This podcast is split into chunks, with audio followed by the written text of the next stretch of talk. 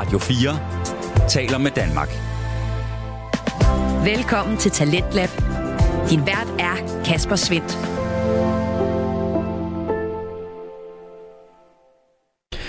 Og øh, mange gange velkommen til øh, et øh, program, hvor du normalt hører mange nye stemmer, fortællinger og holdninger, men i aften der skal du faktisk kun igennem et par, for vi skal have fat i podcasten Den Stolte Far, der fylder hele aftenens program. Og Magnus Hvid og Niklas Ritter har i aften besøg af deres gode ven Mark, som blandt andet inspirerer til det her humør. Man får jo lyst til at at lægge en landmine derude. Jamen altså, man bliver sådan en gammel, sur, bitter mand, ikke? Yeah, I wanna altså. burn your fucking house down, you filthy animal. Jamen, Jamen altså, altså. få da styr på din hund. Altså, hvis du skal have en hund, så må du da sørge for, at den kommer på toilettet. Altså, den kan da ikke, den kan da ikke bare gå og høvle udenfor. Altså, så vi skal vælte rundt i det ude ved postkassen. Hvordan, ja. hvordan tog det den her drejning? Du lytter til Radio 4. Ja, heldigvis er det altså ikke kun øh, sure mænd, som du skal høre om her i aften i podcasten Den Stolte Far. For du får nemlig underholdende, ærlige og tankevækkende samtaler om farrollen af 2023, når Magnus Hvid og Niklas Ritter inviterer indenfor til den her samtale- og interviewpodcast, som øh, både byder på værtsafsnit og altså også gæsteepisoder. De sørger altid for, at der er god stemning, lærerige erfaringer og interessante pointer, som du så har mulighed for at øh, forholde dig til og spejle dine egne oplevelser og tanker i.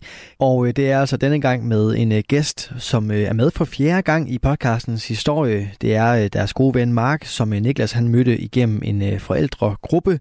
Og derfor så har øh, de to mænd i hvert fald kunne følge hinanden i øh, tygt og tyndt. Og øh, det er altså derfor, at øh, Mark han er med her i aftenens afsnit. Det skal blandt andet handle om øh, testamente, ægtepagt og fremtidsfuldmagt her i aftenens program. Men øh, vi starter lige et øh, andet sted.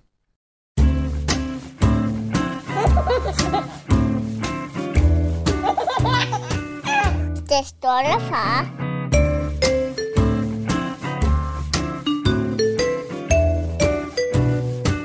Hjertelig velkommen, og tak fordi jeg tog ned ind på Den Stolte Far. Mine damer og herrer, det er en speciel dag i dag. Det er ikke kun mig og præsidenten, formanden, nede øh, bag det røde gardin. Vi har en gæst med i dag, og han har været her før. Jeg tror, det er hans øh, fjerde optræden på Den Stolte Far. Så jeg synes, I skal øh, give ham en masse kærlighed. Mark Dyrnitz, tusind tak, fordi du vil komme igen. Tak skal I have. Det er så dejligt at være tilbage igen. Fedt, mand. Jamen, det er skønt. Det er, det er virkelig skønt til de nye lyttere. Måske hvis der sidder nogen, der ikke har lyttet til Marks afsnit før, så, øh, så kan vi jo lige sige, at, øh, at Mark Dyrnes, han er 38 år gammel, og han er far til Claudia på tre år, og han er gift med Michelle. Så det var sådan lige så vidste de det. Og du går i mødergruppe med ham stadigvæk. Øh, nej, det gør vi sgu ikke. Det, vi ses bare privat i stedet for. Er I stoppet med det der mødergruppe? Jeg ved ikke, det, jeg ved ikke, det er noget kvinderne, de sådan øh, har, er tovholder på. Øh, mødergruppe, ja. Vi tager par rykker på, og så mødes vi. Ah, men det var sådan, vi lærte Mark at kende. Det var fordi, Det er rigtigt. forældregruppe. Lige sammen. præcis. Lige præcis. Forældregruppe, og, øh, og så er vi bare blevet rigtig gode venner. Øh, også parvis. Så øh, Hvordan går det, Mark? Ja, men jeg, vil, jeg havde egentlig lige behov for lige at supplere op på den der med mødergruppen og, og de ting, og det er, det er damerne styrer. Og den, så der vil jeg egentlig sige, at, at Niklas og jeg har gjort sådan. Vi har taget skeen i den anden hånd, og så har vi simpelthen taget initiativet selv. Der har været på gange, hvor ja, vi har prøvet at sige, så kan vi herre, vi kan, vi kan stable noget på benene, og det har vi også haft gjort. Ja. Øh, og det er egentlig takket være, hvis I takket være den her mødergruppe, som jo egentlig ikke, vil jeg sige, var en, en mødergruppe. Det var jo kommunen, øh, det var jo Greve Kommune, der etablerede den her forældregruppe. Så det er jo egentlig derfor, jeg vil sige, at det var ikke en mødergruppe, det var egentlig en forældregruppe, fordi vi som, som, som fædre jo egentlig blev inviteret med, og var, var 100% en del af, af den gruppe øh, ligestillet med, med møderne, der var. Og det var den vej igennem, vi lærte hinanden at kende, og, og så har vi jo bare ekstraordinært holdt fast i hinanden. ja, jamen, det har vi. Privat. Det, det var et super godt initiativ, de havde der, øh, kommunen i Greve. Og også, øh, vi var jo også det første hold, så vidt jeg lige husker, Ja. hvor de prøvede sådan. Og, og jeg tror, man, man gjorde sådan, man kiggede på en mødergruppe og sagde, det her, det laver vi til en forældregruppe i stedet for, så I tager mændene med. Og så var der en masse tilbud af alt muligt øh, oplæg, som vi så var med til. Jeg kan, jeg kan jo tydeligt huske det, det kan vi godt fortælle lytterne. jeg jeg øh, var den eneste ryger på det hold, Og jeg gik ud for at ryge en cigaret, og så kommer Mark ud for lige at stå og snakke, og så er det bare sådan, når man nærmest kalder det kærlighed ved første blik, ikke? Altså, så har vi bare snakket super godt sammen lige siden. Præcis, det er jeg glad for, at du husker. Fordi, Jamen, det kan jeg til øh, huske. Fordi det var egentlig et spørgsmål omkring, men jeg tillader mig lige at sige mand, selvom Magnus jeg nu ikke var, var med i den gruppe øh, første gang, men altså, man kommer ind og, og sidder sådan lidt formelt til det her. Der er ikke nogen, der kender hinanden. Vi ved alle sammen, hvordan det er at starte i sådan et, øh, et arrangement, uanset hvordan det er. Ikke? Jeg tror lidt, vi opførte os som, hvor vi nogen alle sammen, der skulle starte i terapi og i sådan en gruppe. Det virkede også lidt sådan, var det. Og Fælles parterapi.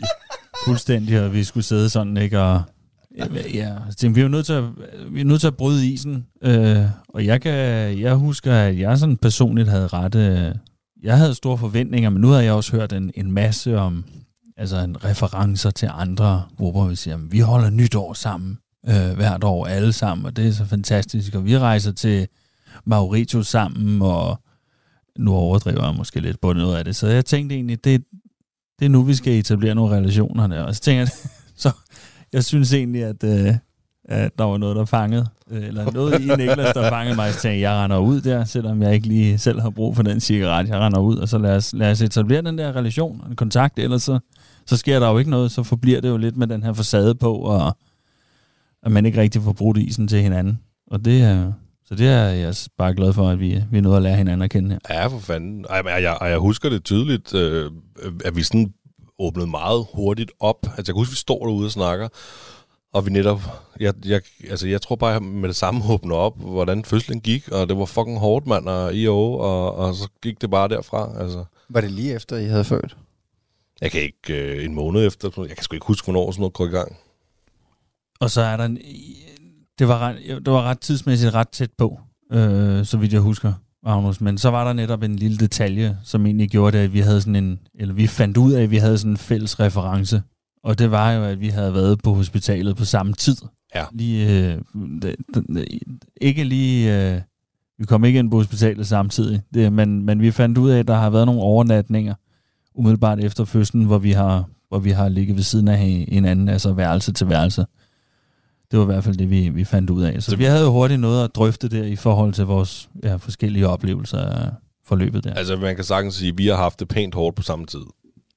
Men jeg skal lige forstå, kendte du, Mark, nogle, øh, nogle andre mennesker, før du blev far? Du, jeg synes, du sagde, at du kendte nogle andre, der havde relationer. Altså, kendte du andre, der havde været i forældregruppe på den måde? Ja, altså man kan sige, i forhold til mine venskaber, eller nogle af dem, jeg havde en barndomsven, der andet havde øh, Øh, et barn i forvejen, og, og nu er det jo ikke nogen hemmelighed for, det, fra, fra dem, der har, kan huske noget i det tidlige afsnit, at det er, at, at vi, havde, vi havde svært ved at, at få Claudia, og var igennem det, alt det her facilitetsbehandling og alle de her ting, så, så sådan rent aldersmæssigt, så det er sådan det, jeg, jeg gerne vil bryde med, og sige, hvad er normalen, hvad er ikke normalen, Nej, det er, man skal ikke følge nogen bestemt normal med, at inden for en eller anden vis alder skal vi, nå, har du ikke fået nogen børn endnu, og alle de her ting. Men hvis man tager det, så, så ja, i, det, i den kreds, så har jeg jo nok været en af de sidste. Øh, så så min, altså min pointe var bare, at, at jeg kendte flere i min omgangskreds, som havde fået børn allerede, og som ja, okay. egentlig talte omkring øh, de relationer, som de havde opbygget med deres mødergrupper eller deres forældregrupper, den var igennem. Det var ja, okay. bare det, jeg mente. Ja, jeg kunne jo godt blive lidt, altså jeg har ikke aldrig hørt om andre, nu er det også altså, begrænset, hvor mange mennesker jeg kender, men jeg har ikke hørt om andre, der har været en forældregruppe, altså hvor det ikke bare har været en mødergruppe, ligesom min kone var bare en, en almindelig mødergruppe, hvor vi mænd ikke var involveret. Øhm, og jeg kunne da godt blive en lille smule, øh, altså jeg ved ikke, man kan kalde det jaloux, men altså, øh, det er da meget cool, at, øh, at møde nogle andre, der ligesom øh, står på samme grund, ikke? Ja, og det, det kan jeg godt forstå. Jeg kan godt forstå, at, øh, at du har det sådan. Og det, så jeg synes, altså, jeg synes, det var et rigtig godt initiativ, øh, gjort af, af den her øh, jordmor, som, som jo drev forløbet, var, var facilitator øh, af hele det her forløb. Der var det også selvfølgelig også kommunen. Og jeg kan forstå, at man har foretaget endnu flere tiltag på det her, således at det det hedder en regulær forældregruppe i dag, og man har egentlig gjort flere ting. Øh, fordi vi, vi fik jo netop at vide, som, øh, som Niklas også siger, vi, vi var sådan den der prototype Det Ja. var sådan et eksperiment, man kørte for at se, hvordan det forløb. Så øh, First movers. Ja, det må man sige. Men altså alligevel, så øh, Mille, hun, øh, min kone, hun er jo kun i en mødergruppe nu. Og jeg ved ikke, om det er fordi, det er anden gang, eller hvordan der hvorledes. Ja, hun har ikke på noget tidspunkt nævnt, at det har været en forældregruppe. Det har været en mødergruppe. der Hun er jo så en mødergruppe, en ny en, ikke? med Elliot. Ja, der har ikke været noget tilbud om, at du var med med nu. Nej, jeg må sgu ikke lege. Det var satans, det Ja. blevet sparetider i Greve Kommune. Det gør ikke sidder vi noget. her og giver shout-out og alt muligt. Ja, ja jamen, jeg, altså, jeg ved det ikke. Jeg skal ikke kunne sige, hvordan det hele det, øhm, altså, det hænger sammen der, men, men det har der bare ikke lige været her. Det er selvfølgelig Der har ikke fået tilbuddet. helt umuligt, at der er forskel på... Første og anden gang. Ja, Nej, det er er- Der er sådan noget. Der er sådan noget med forældre for første gang. Det er en det, det var det, det hed jo. gruppe, ja. Forældre for Nå ja. første gang, Ja. og så er det jo en anden situation, når det er mere end en. Man sætter heller ikke øh, forældre for første gang sammen med, med dem, der skal være forældre for, for anden og tredje gang. Og det er sådan noget. Det er det, der, der skiller imellem det. Men jeg troede umiddelbart, at man også havde gjort det for barn nummer to. Barn Altså nummer et eller andet sted, Det har man så ikke. hvorfor skulle man ikke gøre det? Altså, det er jo bare uh, mor plu- plus one. Altså, det er jo ikke så svært, kan man sige. Men jeg ved sgu ikke, hvorfor de ikke har gjort det. Men altså, personligt set, så er jeg sgu egentlig meget glad for, at de, de ikke har gjort det. Fordi jeg er jo ikke den type. Altså, det kan jeg jo helt, være helt ærlig at sige. Det har jeg jo også sagt. Jeg er jo pisseglad for, at jeg har fået en skide god kammerat i dig, Mark. Men, men generelt, så er jeg jo typen, der gider sådan noget. Altså, det var sådan, jeg kan huske netop dengang, at jeg var sådan lidt, hvorfor skal vi det? Hvorfor skal jeg med? Kan Du var det- kun kan med, det fordi du blev tvunget, eller? Ja, jeg ved ikke, hun tvinger mig ikke til noget, men man kan jo godt mærke temperaturen lidt, ikke? Og sige, "Ah, det er nok meget god idé at tage med her, ikke? øhm, og det er jeg også glad for.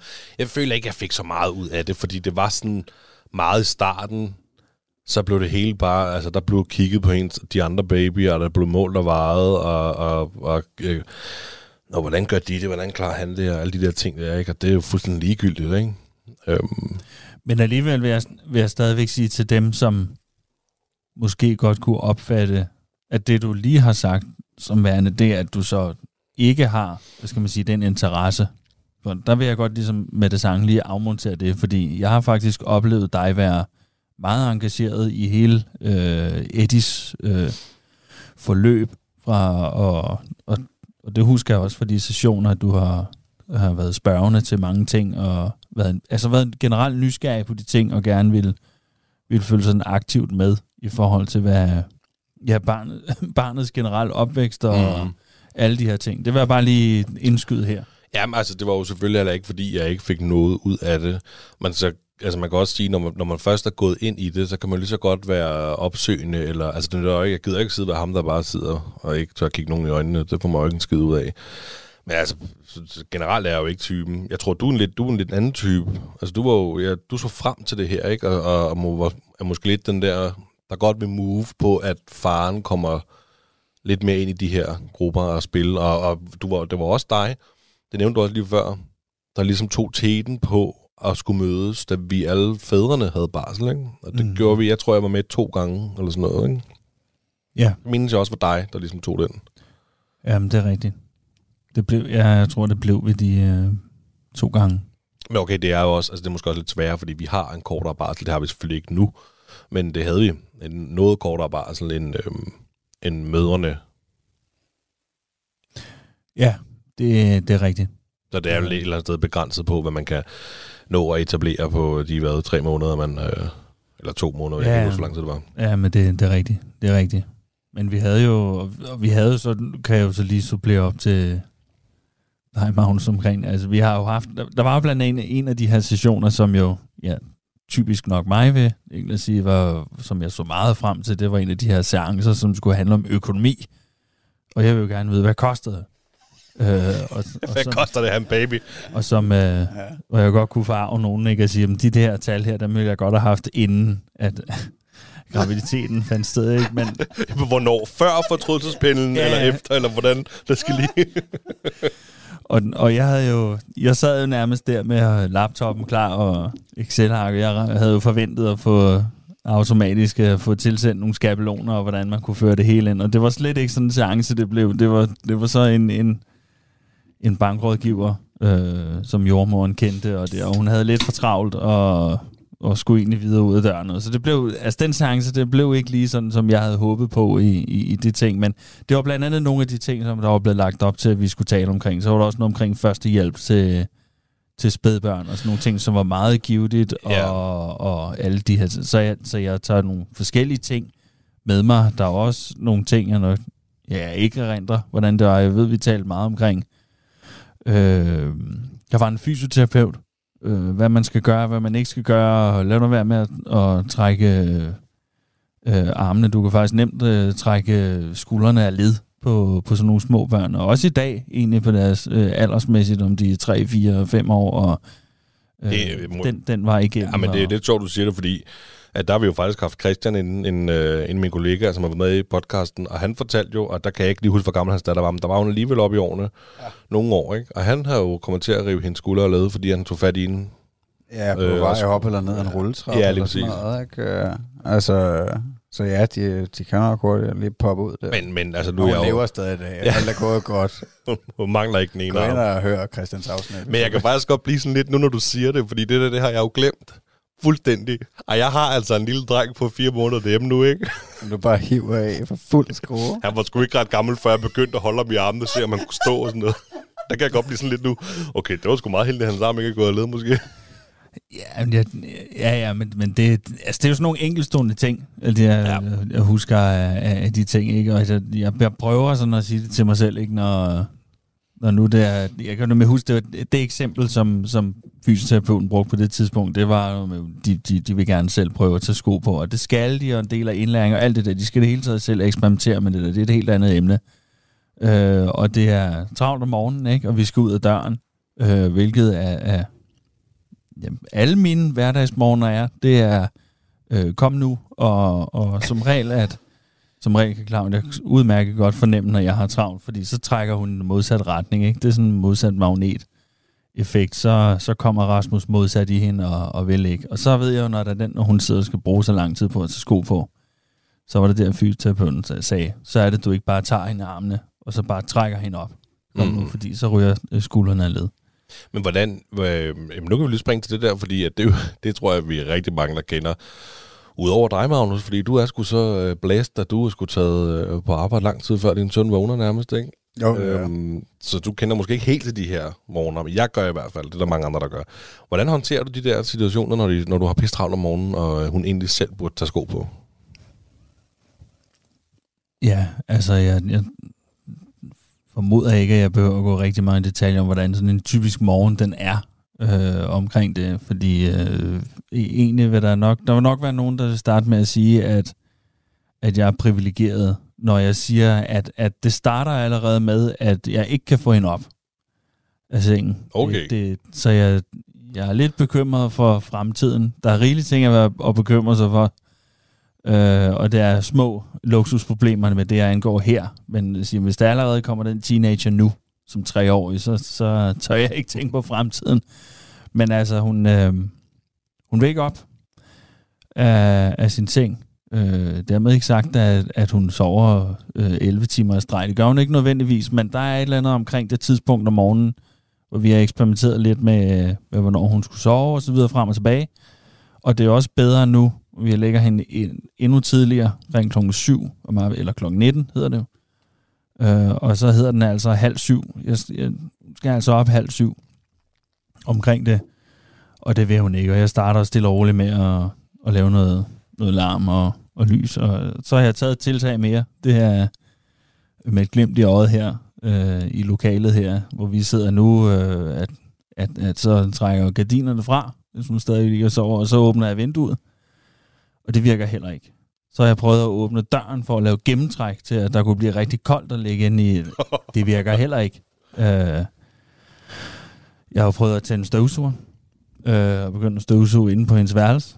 Øh, og det, det hun, ja, jeg, jeg, jeg kæmper sådan generelt set med, med det med at komme op. Og, og så er det noget med omvendt psykologi, desværre er det, jeg gør. Og det gør jeg, jeg gør det nok lidt for ofte, vil, vil sige med den, men, men, men så vender jeg den om og siger, Nå, så jeg, jeg spiser morgenmad alene, og så kører jeg. Og kører. Så, så må du have det godt. Øh, og det, det plejer at virke. Men det, men det er jo nok, når vi kommer ud i det afmagt, fordi han starter med at være tålmodig omkring tingene, øh, og så begynder det at spidse til. Radio 4 taler med Danmark. Du er skruet ind på programmet Talents Lab her på Radio 4, hvor jeg, Kasper Svendt, i aften kan præsentere dig for et afsnit af en dansk fritidspodcast. Det er nemlig Den øh, Stolte Far, som fylder hele aftenens program. Den består af Magnus Hvid og Niklas Ritter, og i deres seneste afsnit vender vi tilbage til her, hvor gæsten Mark han fortæller videre omkring det der med at øh, få børnene op og afsted om morgenen, som jo, godt kan være en udfordring. Det er jo bare subjektivt, det der foregår på mit hoved, men jeg har det jo sådan, at det altid er værst de dage, når jeg har noget, jeg skal nå til en bestemt tid derude. Øh, jeg skal nå at være i, i Ballerup inden, inden en bestemt tid, hvor, øh, hvor jeg arbejder. Så der er forskel på, hvad tid I skal være ude af døren. Og... Det, det, altså det, det vil jeg sige nej til, fordi jeg vil gerne ligesom have, have en fast rytme. Så det vil sige, det er samme tid, uanset hvad, men, men der er... Så, så uden ligesom at trække den. Jeg vil helst ikke trække den de dage, hvor, hvor fordi jeg var også gerne i gang med, med arbejdsdagen og få de der ting klaret. Og jeg tænker, det er bedst at holde en fast rutine.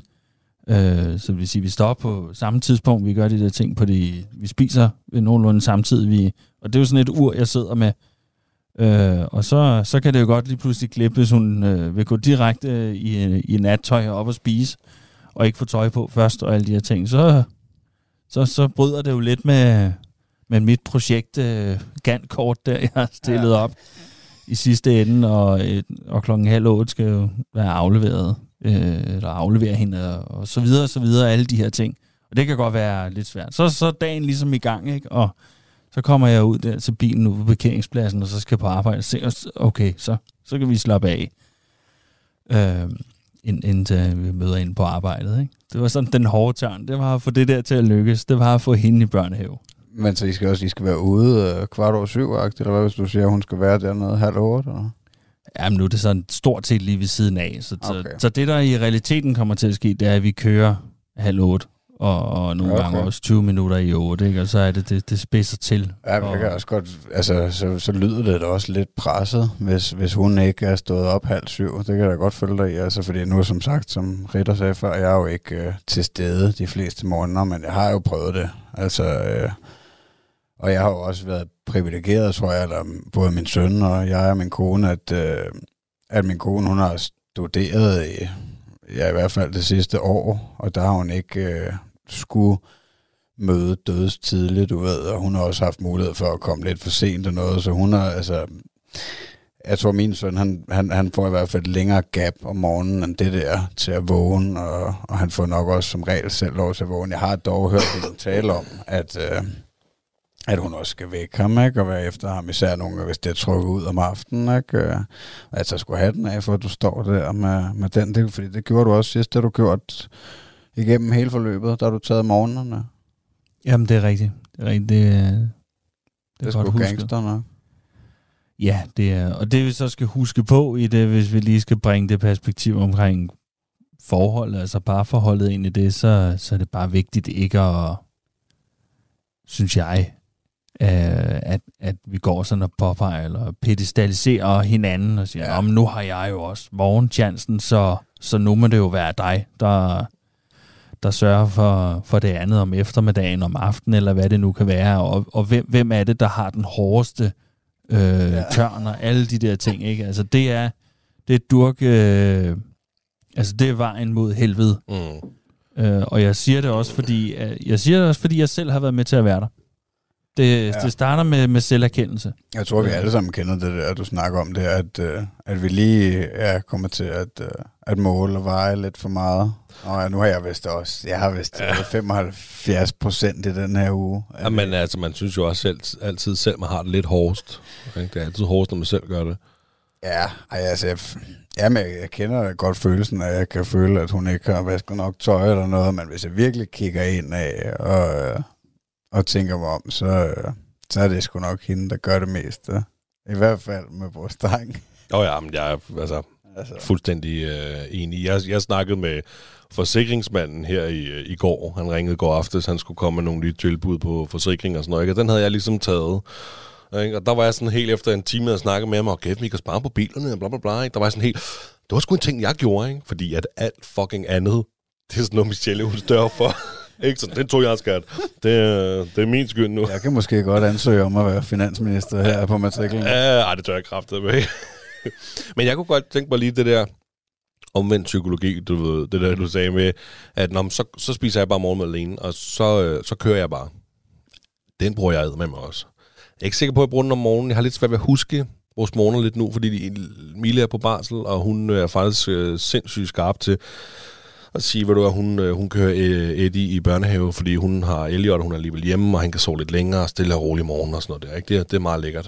Og der kommer jo en dag, hvor at begge børn skal i institution. Og det, det bliver jo nok noget med, at øh, den ene tager den ene, og den anden tager den anden og sådan noget. Ikke? Men det der med, med omvendt psykologi, altså jeg brugte det så sent som i dag, da jeg hentede ham i børnehaven. Fordi lige pludselig var han ikke sin jakke på. Men han vil, han vil også gerne have den på, men han vil ikke have den på. Giver det mening? Det er sådan der med børn. så man han gerne den på, men så vil den ikke den på, og vil du den på, eller var den er. Totalt ubeslutsom. Og til sidst så bliver jeg bare sådan lidt, ved du hvad? Så får du den bare ikke på, og så går jeg. Men så vil han gerne have den på, og så vil han gerne med. Bum, så er problemet løst. Lige med det samme. Det, altså det er jeg også, hvis man står nede i, øh, i øh, hvad fanden hedder det, indkøbscenteret, eller hvor man nu er, og han lige pludselig øh, vil skave sig, og det gør han heldigvis ikke så meget mere, men det har han jo gjort, og ligger sig der. Ikke? Så til sidst er det sådan lidt, Eddie, jeg går, så må du komme med. Og jeg går, når ikke at gå 3-4 skridt, så rejser han sig op og løber med, for det er så ikke noget problem. Det har der altid hjælper, og det synes jeg er okay. Og der vil dog nok, der vil nok være nogen lyttere, der vil sidde og tænke, om jeg har egentlig et barn, som ikke vil reagere på det der. Så vil sige, at de fortsætter med at gå den anden vej, hvis du så går i den modsatte retning. Det har jeg i hvert fald øh, fået at vide af egen, inden for min egen omgangskreds, at der er, der er nogle børn, der gør det. Og det, der har jeg i hvert fald ikke. har en mulig øh, løsningsmodel til det, men jeg har ikke øh, the golden key til den Mm. i hvert fald, fordi den lykkes for mit vedkommende, ligesom, øh, ligesom du nævner her. Øh, der vil jeg også sige, det har da også lykkes for mig i, øh, i de fleste tilfælde, der er det egentlig blevet noget ja, endnu, endnu nemmere. Særligt hvis det er ja, ude, øh, uvante steder, øh, de her steder, hvor der er, er fremmede mennesker og de ting, så er det endnu nemmere. Mm. Øhm, og klart værst derhjemme i de der komfortable, trygge rum. Der er det det aller værste Jamen. i forhold til tøj og... Jamen, jeg er sgu heller ikke sikker på, at jeg har brugt den derhjemme, når vi skulle ud af døren. Fordi at der, der har jeg ikke tænkt så meget over det, fordi at vi skal ud af døren, både mig og dig. Altså, så, så har jeg, jeg har nok håndteret det på en anden måde. Øhm, også som du siger, at øh, altså, du har en datter, der godt kan lide at sove. Det er måske lækkert i weekenderne, kunne jeg forestille mig. Altså, nu er Eddie har jo altid været en dreng, der er klokken 4, siger du. Så står jeg også op. Jeg er pisselig glad, ikke? Og så er det altså bare op. Øhm, men øh, så jeg er, ikke, jeg er ikke sikker på, jeg har ikke brugt den derhjemme, men altså, det, det har virket for mig. Men jeg vil, jeg vil, jeg vil lyve, hvis jeg sagde, at jeg ikke nogle gange, når jeg havde brugt den, når vi for eksempel er i et indkøbscenter, eller hvor vi nu er henne, og siger, "Men så går jeg bare. Jeg vil lyve, hvis ikke jeg tænkte, fuck, hvis han bare bliver liggende eller går den anden vej, så er jeg også på skideren, ikke? Men det har indtil videre hjulpet. Jamen, det er den, øh, og sådan tænker jeg også. Altså, da det, jeg havde en, en episode sidste, sidste sommer, da vi var øh, på sommerferie i, i LaLandia, Søndervig. Det her nye sted, det var det i hvert fald på det tidspunkt der. Det er, lad mig sige sådan, jeg har i hvert fald brug for at holde en anden ferie i år. Jeg har ikke holdt sommerferie endnu, det har vi ikke gjort, øh, end, end det, der var i LaLandia der. Men pointen er nu egentlig, at der lavede hun faktisk den ude på parkeringspladsen, og hun begyndte bare at gå, og hun fortsatte bare. Og der, øh, jeg havde så øje på hende, fordi jeg kunne se langt i, i det her, men, men hun egentlig, jeg stak af fra mig, og der kom en bilist kørende, en ældre kvinde der. Sig mig, hvems barn er dette? Og det, det var sådan rent kliché-agtigt, ikke? Løb du ikke efter Øh. hende? Jamen, det, så, til- så stoppede hun dernede, og så okay. kunne jeg ligesom gå, gå efter hende. Nej, det er, jo også, det er jo også fordi, det er sådan lidt... Altså, øh, jeg, jeg kan jo lige tage den tilbage til, til Berlin, hvor vi var, ikke? De lange gader, vi skulle ned. Og, sådan noget, ikke? og, man- og man kan ligesom sige, Eddie, du stopper. Og jeg har det sådan lidt, jeg løber ikke efter ham allerede nu. Han skal fandme have chance for at stoppe, ikke? Og at de når bare et punkt længere og længere væk, for at sige, okay, nu skal jeg fucking løbe hurtigt, hvis jeg skal nå ham, ikke? Og så er du nødt til at sætte af. Så man, man skal lige mærke den der... De skal lige have lov til selv at prøve. Og, Ja, jeg synes, det er spændende nu, med, altså, når han kører på løbecyklen øh, og giver den gas der. Øh, nu bor vi jo heldigvis i en, i en forholdsvis lille by, hvor der ikke er så meget trafik, men der kører jo trods alt biler, ikke? Øh, Og øh, altså, jeg tror også, blevet bedre til det nu. Er i starten, der, der var jeg jo lige hælen på ham hele tiden. Men øh, er, er, er din datter begyndt at køre på løbecykel? Ude af byen? Nej, ikke, ikke rigtigt. Hun har ikke en. Vi har egentlig introduceret hende for en, og det var en god pointe, det du bringer på banen, fordi hun har så sådan en trehjuls, hvad hedder den, sådan en, der kan laves om til både en, man kan sidde på, og så øh, en, man kan ryge som rigtig løbehjul. Ja, okay. Men, men ikke rigtig løbe-løbecykel på Nej. den måde, og det vil jeg introducere for, men der, øh, der har jeg hende også ude i området omkring, altså de der og prøver, jeg prøver så vidt muligt, altså at de hvide trekanter der, det øh, betyder, at vi skal kigge til højre og venstre og skal stoppe de ting, og der er, må jeg sige, det her, altså det område, hvor, hvor du bor i, øh, at der, der må jo også være bilister, der kører lidt stærkt indimellem, og det er jo også svært at forklare en, øh, ja, din søn omkring, at der er altså nogen, der kører rigtig stærkt, og øh, ja, hvordan forklarer man de ting, ikke? At der er ligesom med gode og dårlige, altså der, eller folk, der ikke tænker sig om, ja. altså at vi ikke må tage for gode varer som små børn, at når man vi holder altid tilbage eller andet. Og jeg ved godt, at det er jo alt, alt, alt for tidligt, altså at, at børn skal have bevidsthed omkring de der ting, ikke? men at man i hvert fald skal passe på i trafikken på en eller anden måde.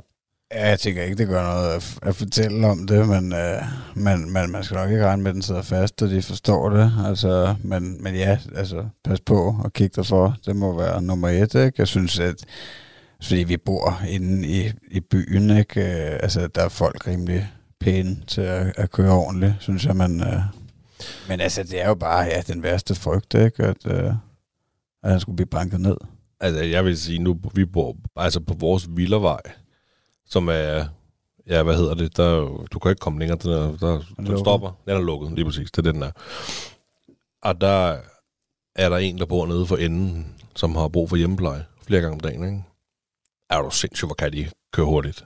Og de høvler bare. Jeg kan blive så gammel sur. Altså virkelig. Jeg skal tage, altså nu kan jeg godt mærke, at man bliver hus, husejer, og, og især far. Det er nok værre der, ja. efter man er blevet var. Og de kører. Og det tænker jeg, hvad fanden tænker I på, mand? Fordi hvis min lille dreng, han løber ud på vejen, mand, de kan ikke nå at stoppe. Og det kan være en fodbold, det kan være alt muligt. Altså, du ved, men... Altså, ja, altså, hvad skal man gøre? Hvad skal man fortælle Eddie? Du må ikke løbe, fordi han har det har han før gjort. Bare fordi vi leger fanger, eller fordi han lige skal være sjov, ikke? Der kommer de der bare, jeg har jo flere gange tænkt, skal jeg stå derude og så være klar, så med en fodbold lige sparke den ud foran bilen der, ikke? så de rigtig kan få et chok, eller skal jeg ringe til kommunen og sige, hvad fanden, altså, jeg har hverken gjort det ene eller det andet nu, ikke? Men ja, jeg, jeg, øh, jeg har det præcis på samme måde som dig i det, og jeg har egentlig også prøvet sådan lige at reflektere over, sådan, hvad, hvad er det for nogle tanker, der ryger igennem mig. sådan. Jeg har også sådan nogle skræmme. En ting er, at jeg tror, tror jeg lyder som mine egne forældre, altså det med at have forestillet sig, hvad der, hvad der ville ske, og sådan noget de ting, men oh yeah. jeg, jeg ved ikke, hvad der, er, der, får, hvad der sker oven i hovedet på mig nogle gange, men, men, men jeg ryger sådan længere ud i det, og så forestiller jeg mig, hvad jeg så gør bagefter. Også i, i det. Og jeg ved ikke, jeg har sådan et eller andet, øh, jeg ved ikke, sådan noget rage øh, inden i mig. Der, altså jeg ved jeg, jeg, jeg synes faktisk egentlig, altså det skal mene positivt ment, men jeg er på en eller anden måde blevet mere aggressiv i trafikken, efter altså sådan regelrytter, hvis et, efter jeg er blevet far i det. Altså når jeg ser en cyklist, der ikke holder tilbage for, for ubetinget vigepligt og sådan noget, særligt hvis det er en cyklist, der faktisk cykler med et lille barn ved siden af, øh, så, så kan jeg tage en fuldstændig af. altså det, det gør jeg nu, og det ville jeg aldrig have gjort før. Øh, og det er egentlig ikke, fordi jeg skal gå rundt sådan og lege øh, Vlado, øh, politimand i, øh, i de ting. Slet ikke, men det, det er særligt i egen omegn derhjemme på vejene og de ting. Jeg ved ikke, jeg er bare blevet mere opmærksom på de ting i en, og hvad en rundkørsel, og hvad kunne der ske, ikke? Og det er nok efter at have blevet forældre. Jamen altså, jeg, jeg synes det er lidt sjovt, ikke? for jeg selv vokset op på præcis samme vej. Ikke den vej, hvor jeg bor, men type vej. En lukket vej, ikke? hvor at, øh, der har altid været brok over, at, at nogen har kørt for stærkt og sådan nogle ting. Og jeg har jo øh, altså, været barn eller teenager eller halvvoksen og tænkt, hvad fanden har kæft en nabomand, hvorfor brokker du dig, ikke? Og jeg forstår fuldstændig samme situation. Det er lige så grælt, som hvis der er nogen, der ligger, altså ikke samler deres hundelort op for, ude foran øh, på det stykke græs, jeg skal klippe ud for min hække, ikke? Der har jeg jo øh, en, øh, altså mine forældre har en genbo, som har gået meget op i det, og jeg har altid tænkt sådan, åh, slap dog af med den hundelort, ikke? Og nu forstår jeg ham 100%. Det må jeg indrømme. Det har faktisk ikke været så slemt den her sommer indtil videre. Jeg ved ikke, om det er fordi, det har været så dårligt vejr, om de så har fundet et bedre sted at skide, eller, men sidste år, der kan jeg godt huske den der følelse. Altså, sådan virkelig, og det var også det der, som du sagde, Mark, sådan rage, ikke? Man, altså, man får jo lyst til at, at lægge en landmine derude. Jamen altså, man bliver sådan en gammel, sur, bitter mand, ikke? Yeah, I wanna altså. burn your fucking house down, you filthy animal. Jamen, Jamen, altså, altså. få da styr på din hund. Altså, hvis du skal have en hund, så må du da sørge for, at den kommer på toilettet. Altså, den kan da ikke, den kan da ikke bare gå og høvle udenfor. Altså, så vi skal vælte rundt i det ude ved postkassen. Det Ja, kan... hvad fanden er det for noget? Altså, Altså, det er næsten værre, end at køre for stærkt på en vildevej. Det, det Så hvordan, synes hvordan, hvordan tog det den her drejning? Altså, Jamen, sådan en det- drejning til at tale om det her. Altså, jeg, det jeg var kan, nu er vi ude, vi er gamle sure mænd. Vi sidder, Ej, altså, det, er jeg, lidt, synes, det hedder Lagusta-fascist, ikke? ja, det er- det er rigtigt. ej, jeg synes, altså for at vende tilbage til det med at køre for stærkt på bilvejen, der synes jeg, det er okay at, uh, at stå ude ved havelån med en, med, en, med en finger og sige, det er sgu ikke okay, det der. Altså, der må man godt opdrage lidt på hinanden og sige, også, også altså, som du sagde, da du var teenager, så tænkte du ikke over det, og tænkte, hvad fanden er det for en gammel sur stodder? Men det er jo de gamle sure stodders opgave at fortælle de her nye teenager, de nye generationer, hvad der er okay og hvad der ikke er, for Ja. man fatter ikke en skid, når man er 18 år. Og, Nej, men det er altså- har det der fået er- bil og helt banket af, og skal bare have den store bas op at køre og ud og Ja, fordi ud af vinduet. altså, det er der jo netop på den her vej, fordi vores genbo skråt overfor, som jeg hilser på, er, er super, virker super søde og rare og sådan noget der, de har jo også en ung søn, som nogle gange kører lidt hurtigt. Men det er, det, altså, det er skråt over for os. De her hjemmeplejefolk, det er helt nede den anden ende. Ikke, ikke fordi der, man skal ikke gå hurtigt på en vildevej. Men, men jeg, jeg ser det kun igennem min hæk. Altså, jeg kan jo stå inde i stuen, og så kan jeg se altså, ude på vejen fra, fra stuen af igennem hækken. Okay, det gik stærkt.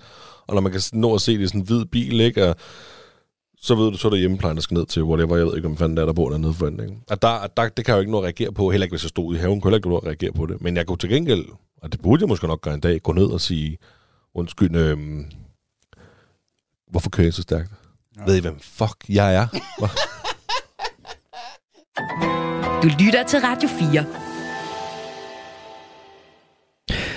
Og vi er i gang med aftenens første og eneste podcast afsnit her i øh, uh, Talent Lab. Det er programmet på Radio 4, der giver dig muligheden for at høre nogle af Danmarks bedste fritidspodcast.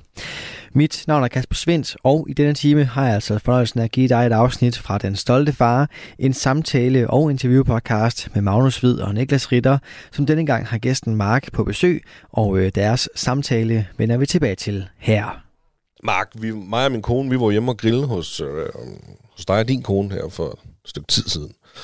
Og der nævnte du en masse ting, som du havde gjort jo, taget stilling til, og, og sådan nogle ting. Og det var også sådan lidt det, vi tænkte, at vi skulle snakke om i dag. For det var sådan lidt, øh, da du sagde det, der, jeg tror, jeg nævnte det for Ma- Magnus, og vi var sådan lidt, det har slet ikke taget stilling til. Det var ikke øh, gået så dybt ind i det. For det var noget med hvad, testamente, ægtepagt og noget. Ja, altså det er... hvis I nu, nu er jeg glad for, at vi i hvert fald lige har haft den her indledning her indtil videre, fordi ellers har jeg gået og tænkt, det her afsnit her, det bliver det tørre afsnit.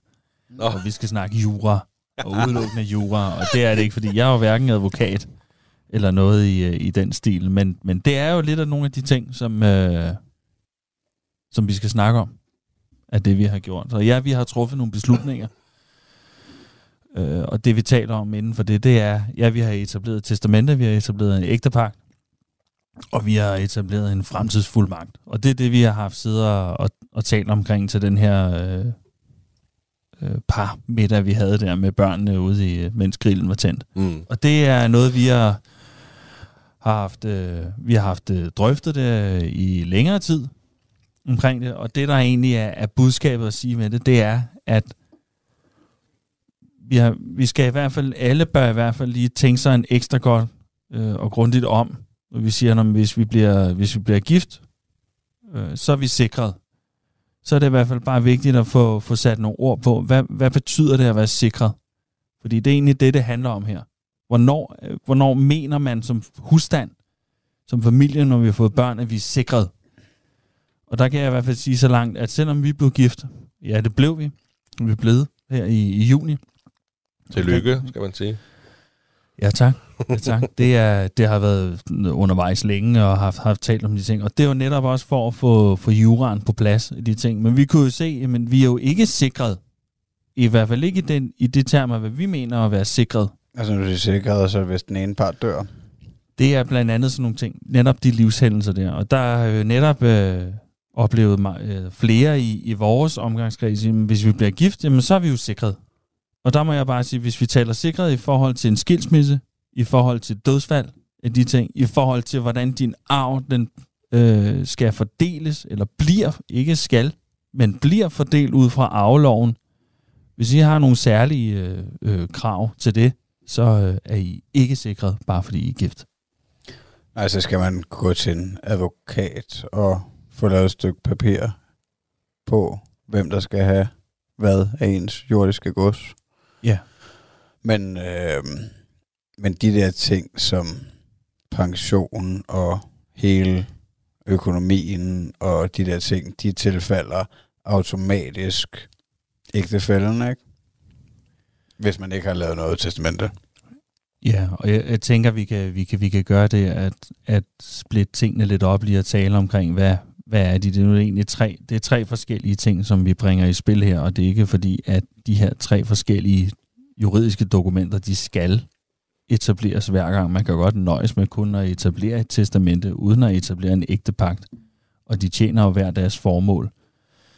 Øh, vi har gjort det, at ægtepakten, den, den, er, den bringer man i spil i forhold til, til når vi taler omkring delingen af den formue, som man har, ved, hvis der skulle ske en skilsmisse eller et dødsfald. Så det er egentlig mellem dig og, og din hustru. Så det handler i mindre grad omkring dit barn eller dine børn. Men det der er, det er, når du bringer testamentet i spil, så vil, så vil ægtepakten og testamentet jo komme til at, at komplementere hinanden. Altså, de hænger bedre sammen.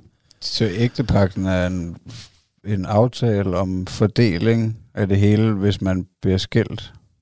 Det er, der, vi har nogle, nogle eksempler, vi kan bringe i spil her, og vi har også, øh, altså vi har jo nogle, øh, nogle, nogle, nogle livshændelser, der, der er sket omkring os, som gjorde, at vi valgte at gøre det her. Nogen, som har sat sig fast i os den, den vej igennem. Men for det første, så har vi så etablerede vi ægtepakten, fordi at jeg havde et indskud fra tidligere bolig af, da vi købte hus sammen.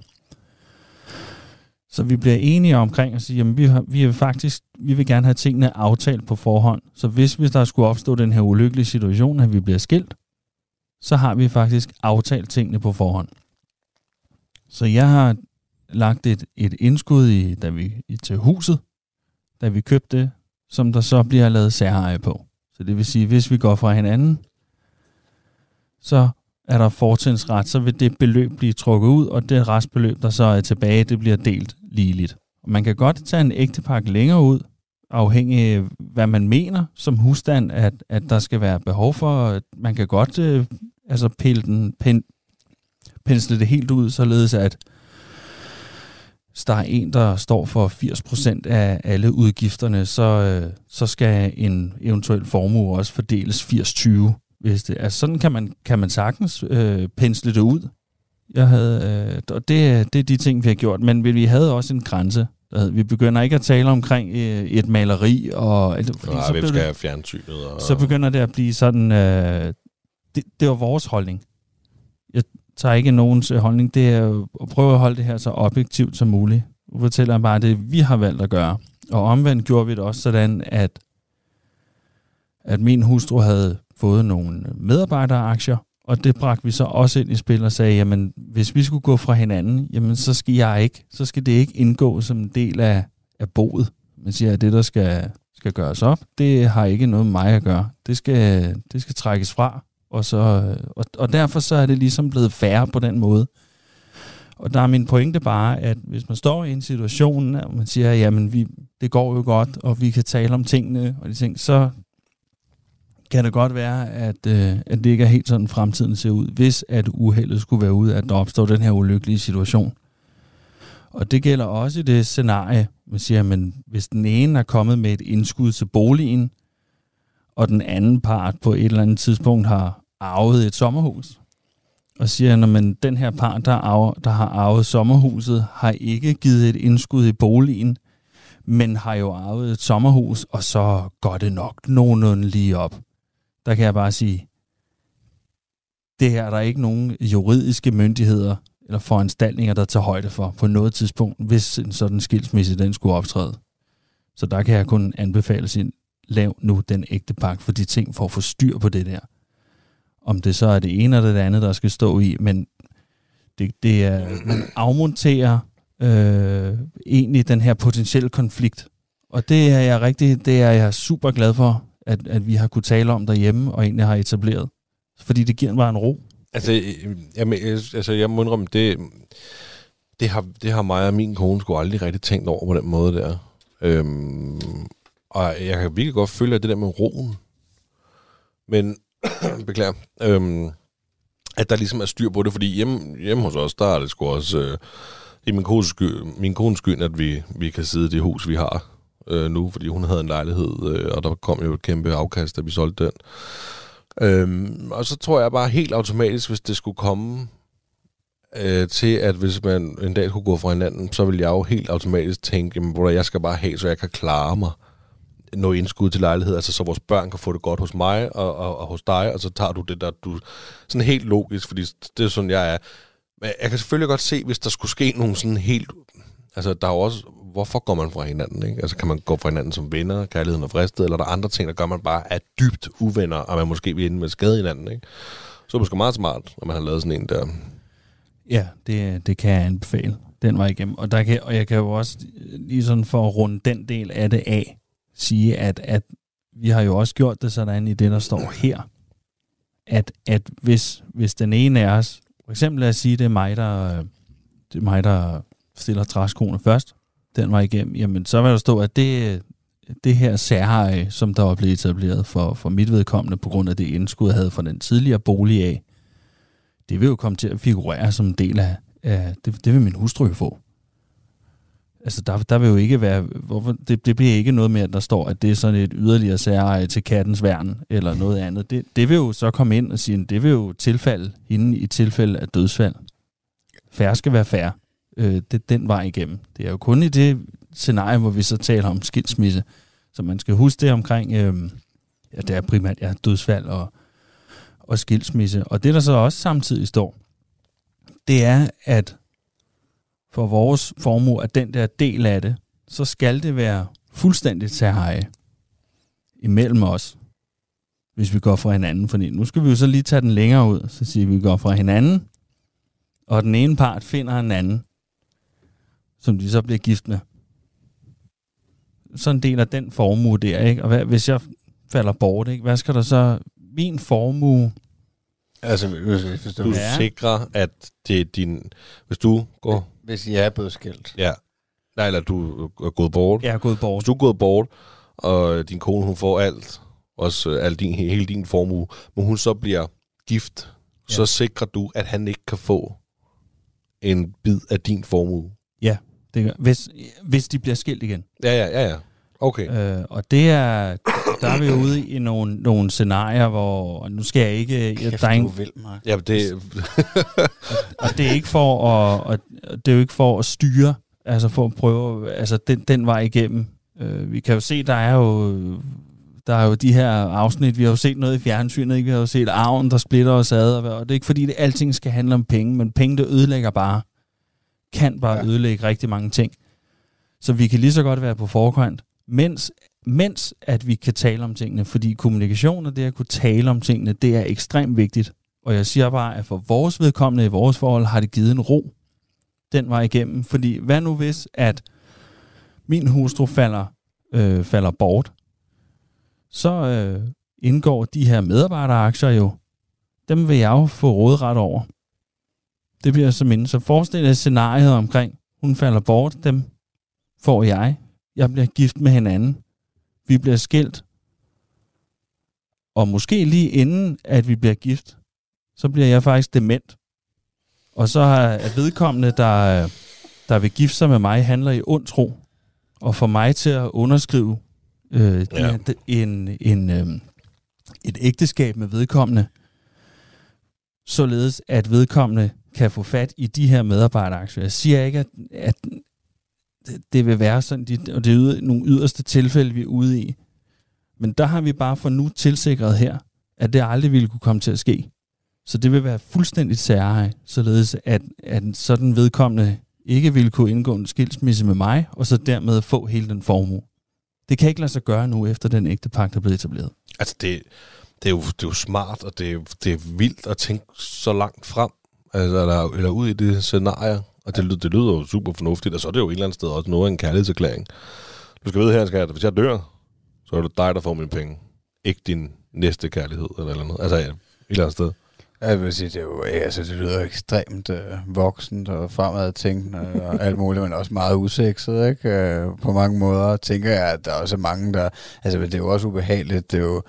Altså, det der nok er mest ubehageligt for mig, fordi jeg har jo også tænkt over, hvad fanden sker der, hvis jeg dør, og altså, øh, de her ting, hvis jeg bøv... Øh, hvis jeg blev, hvad skal man sige, u- uarbejdsdygtig, hvis jeg kom ud for en eller anden ulykke, hvor jeg blev handicappet, og, øhm, og der har jeg ekstra forsikret mig lidt på den måde, og nogle ting for at prøve at sikre os. Øhm, men det her med at forestille sig en skilsmisse, det er med fucking usekset. Altså, og det, det tager hatten af for, at de gør, fordi at, at der er jo ikke, altså, jeg tænker, at alle kender nogen. Jeg kender i hvert fald nogen, der er gået fra hinanden, og hvor det ikke er særlig kønt. Og det er, som du siger, det kan ikke kommunikere. Altså, og, og det ved vi jo ikke. Vi kan jo være nok så forelsket nu og have et rigtig fantastisk liv, og alle de her ting, og så har man jo ikke lyst til at forestille sig, men vi ændrer os jo alle sammen som mennesker, og der er jo bare alt andet lige folk, der går fra hinanden, og altså, det, det er der jo mange, der gør. Øhm, så, så det virker, det virker ekstremt fornuftigt. Ja, og, den, og, det er, og det er præcis sådan, vi, er, vi har været enige om at gå til det her. Det har egentlig været, øh, været de tanker, som du bringer på banen her. Og det, og det er ikke fordi, vi har siddet og, vi har ikke siddet og tegnet alle de her skræmme eksempler op. Min pointe er egentlig også, at vi, vi starter med at have en dialog omkring det her, og blive enige omkring, at det her, det vil vi gerne gøre noget ved. Og så er det egentlig under dialogen med advokaten. Altså, den, der har advokaten været fuldstændig fantastisk her til faktisk at bringe de her eksempler op. Og jeg kan også godt senere i, i testamentet sige, at der er også nogle ting, vi havde truffet nogle valg om. Man svarer på sådan et spørgeskema omkring, hvordan man gerne vil have det, og så bagefter har man det her møde. Man har det bare virtuelt. Vi havde bare et virtuelt møde. Og så var advokaten også inde og holde sig kritisk til det og sige, I skal bare være klar over, hvis I går videre med det der, så sker der det her. Altså, kan der risikere at ske det her? Eller hvad nu I forestiller nu den her situation at være? Så, så, så det er lige så meget været advokaten, der har bragt de her livshændelser, de her mulige scenarier i spil. Øh, og når alt kommer til alt her, så ved jeg godt, at ægtepakten her har talt omkring deling af vores formue, det vil sige vores forhold. Men vi skal huske jo børnene i det her. Forestil jer det der scenarie, vi lige sidst talte omkring med en skilsmisse, eller dødsfald. Bare dødsfald af en af os, og den næste, der etablerer et ægteskab igen. Kan I forestille jer, hvilket, hvilke gnidninger det kunne opstå mellem jeres børn? Ja, Og så den her, det, altså vedkommende i det, og, jeg, og, og det der påpeger igen, for lige at, at gentage det, det er jo kun i tilfælde af et skilsmisse af et nyt ægteskab. Det er jo ikke for at forhindre øh, et nyt ægteskab. Nej, nej. Det er, jo hvis bare- der sker en skilsmisse igen i det nye ægteskab, så vil vi gerne være sikre på, at, at vi så meget som muligt har, har skabt en, en ro og en klarhed for, for Claudia, således at hun ikke skal stå i den der situation, egentlig, eller være vidne til, at, at vedkommende her egentlig løber med en formue, som skulle tilhøre hende, og alle de her ting. Så det skal vi også lige huske. Det er igen hendes perspektiv. Også en ting er, er hende og jeg, altså min hustru og jeg. Det handler jo også om børn, igen, vores barn. Så det, Ja, er du sindssygt, mand, hvis, øh, altså, hvis det er rigtigt, at det bare er kroppen, der dør, og, og ens sjæl, den lever videre, og man kan kigge ned, og man er død, når ens øh, barn er 10 år, og, og, øh, og de står, står i den der situation, som du nævner, som 18-årig, og, og bliver snydt, og der er en, øh, en fremmed mand, der løber med formuen lige foran øh, snotten. Altså, jeg ved, det er jo en ekstrem situation, det er jo nok ikke noget, der der sker for hver anden person eller noget, men, øh, men jeg kan selv godt følge dig i, at det er fornuftigt. Du lytter til Talentlab på Radio 4. Og her der skal vi lige gøre en øh, kort pause ind i øh, samtale og interviewpodcasten Den Stolte Far, som består af Magnus Hvid og Niklas Ritter, der denne gang har besøg af gæsten Mark til en snak om både øh, testamente, ægtepagt og fremtidsfuldmagt, og også meget andet i en, en episode, som vi vender tilbage til i aftenens time 2 af Talent Lab. Men for nu der er det altså tid til nyhederne, og de kommer fra en, som jeg aldrig kunne finde på at lade mig adskille fra, nemlig verdens bedste nyhedsoplæser. Du har lyttet til en podcast fra Radio 4. Find flere episoder i vores app, eller der, hvor du lytter til podcast.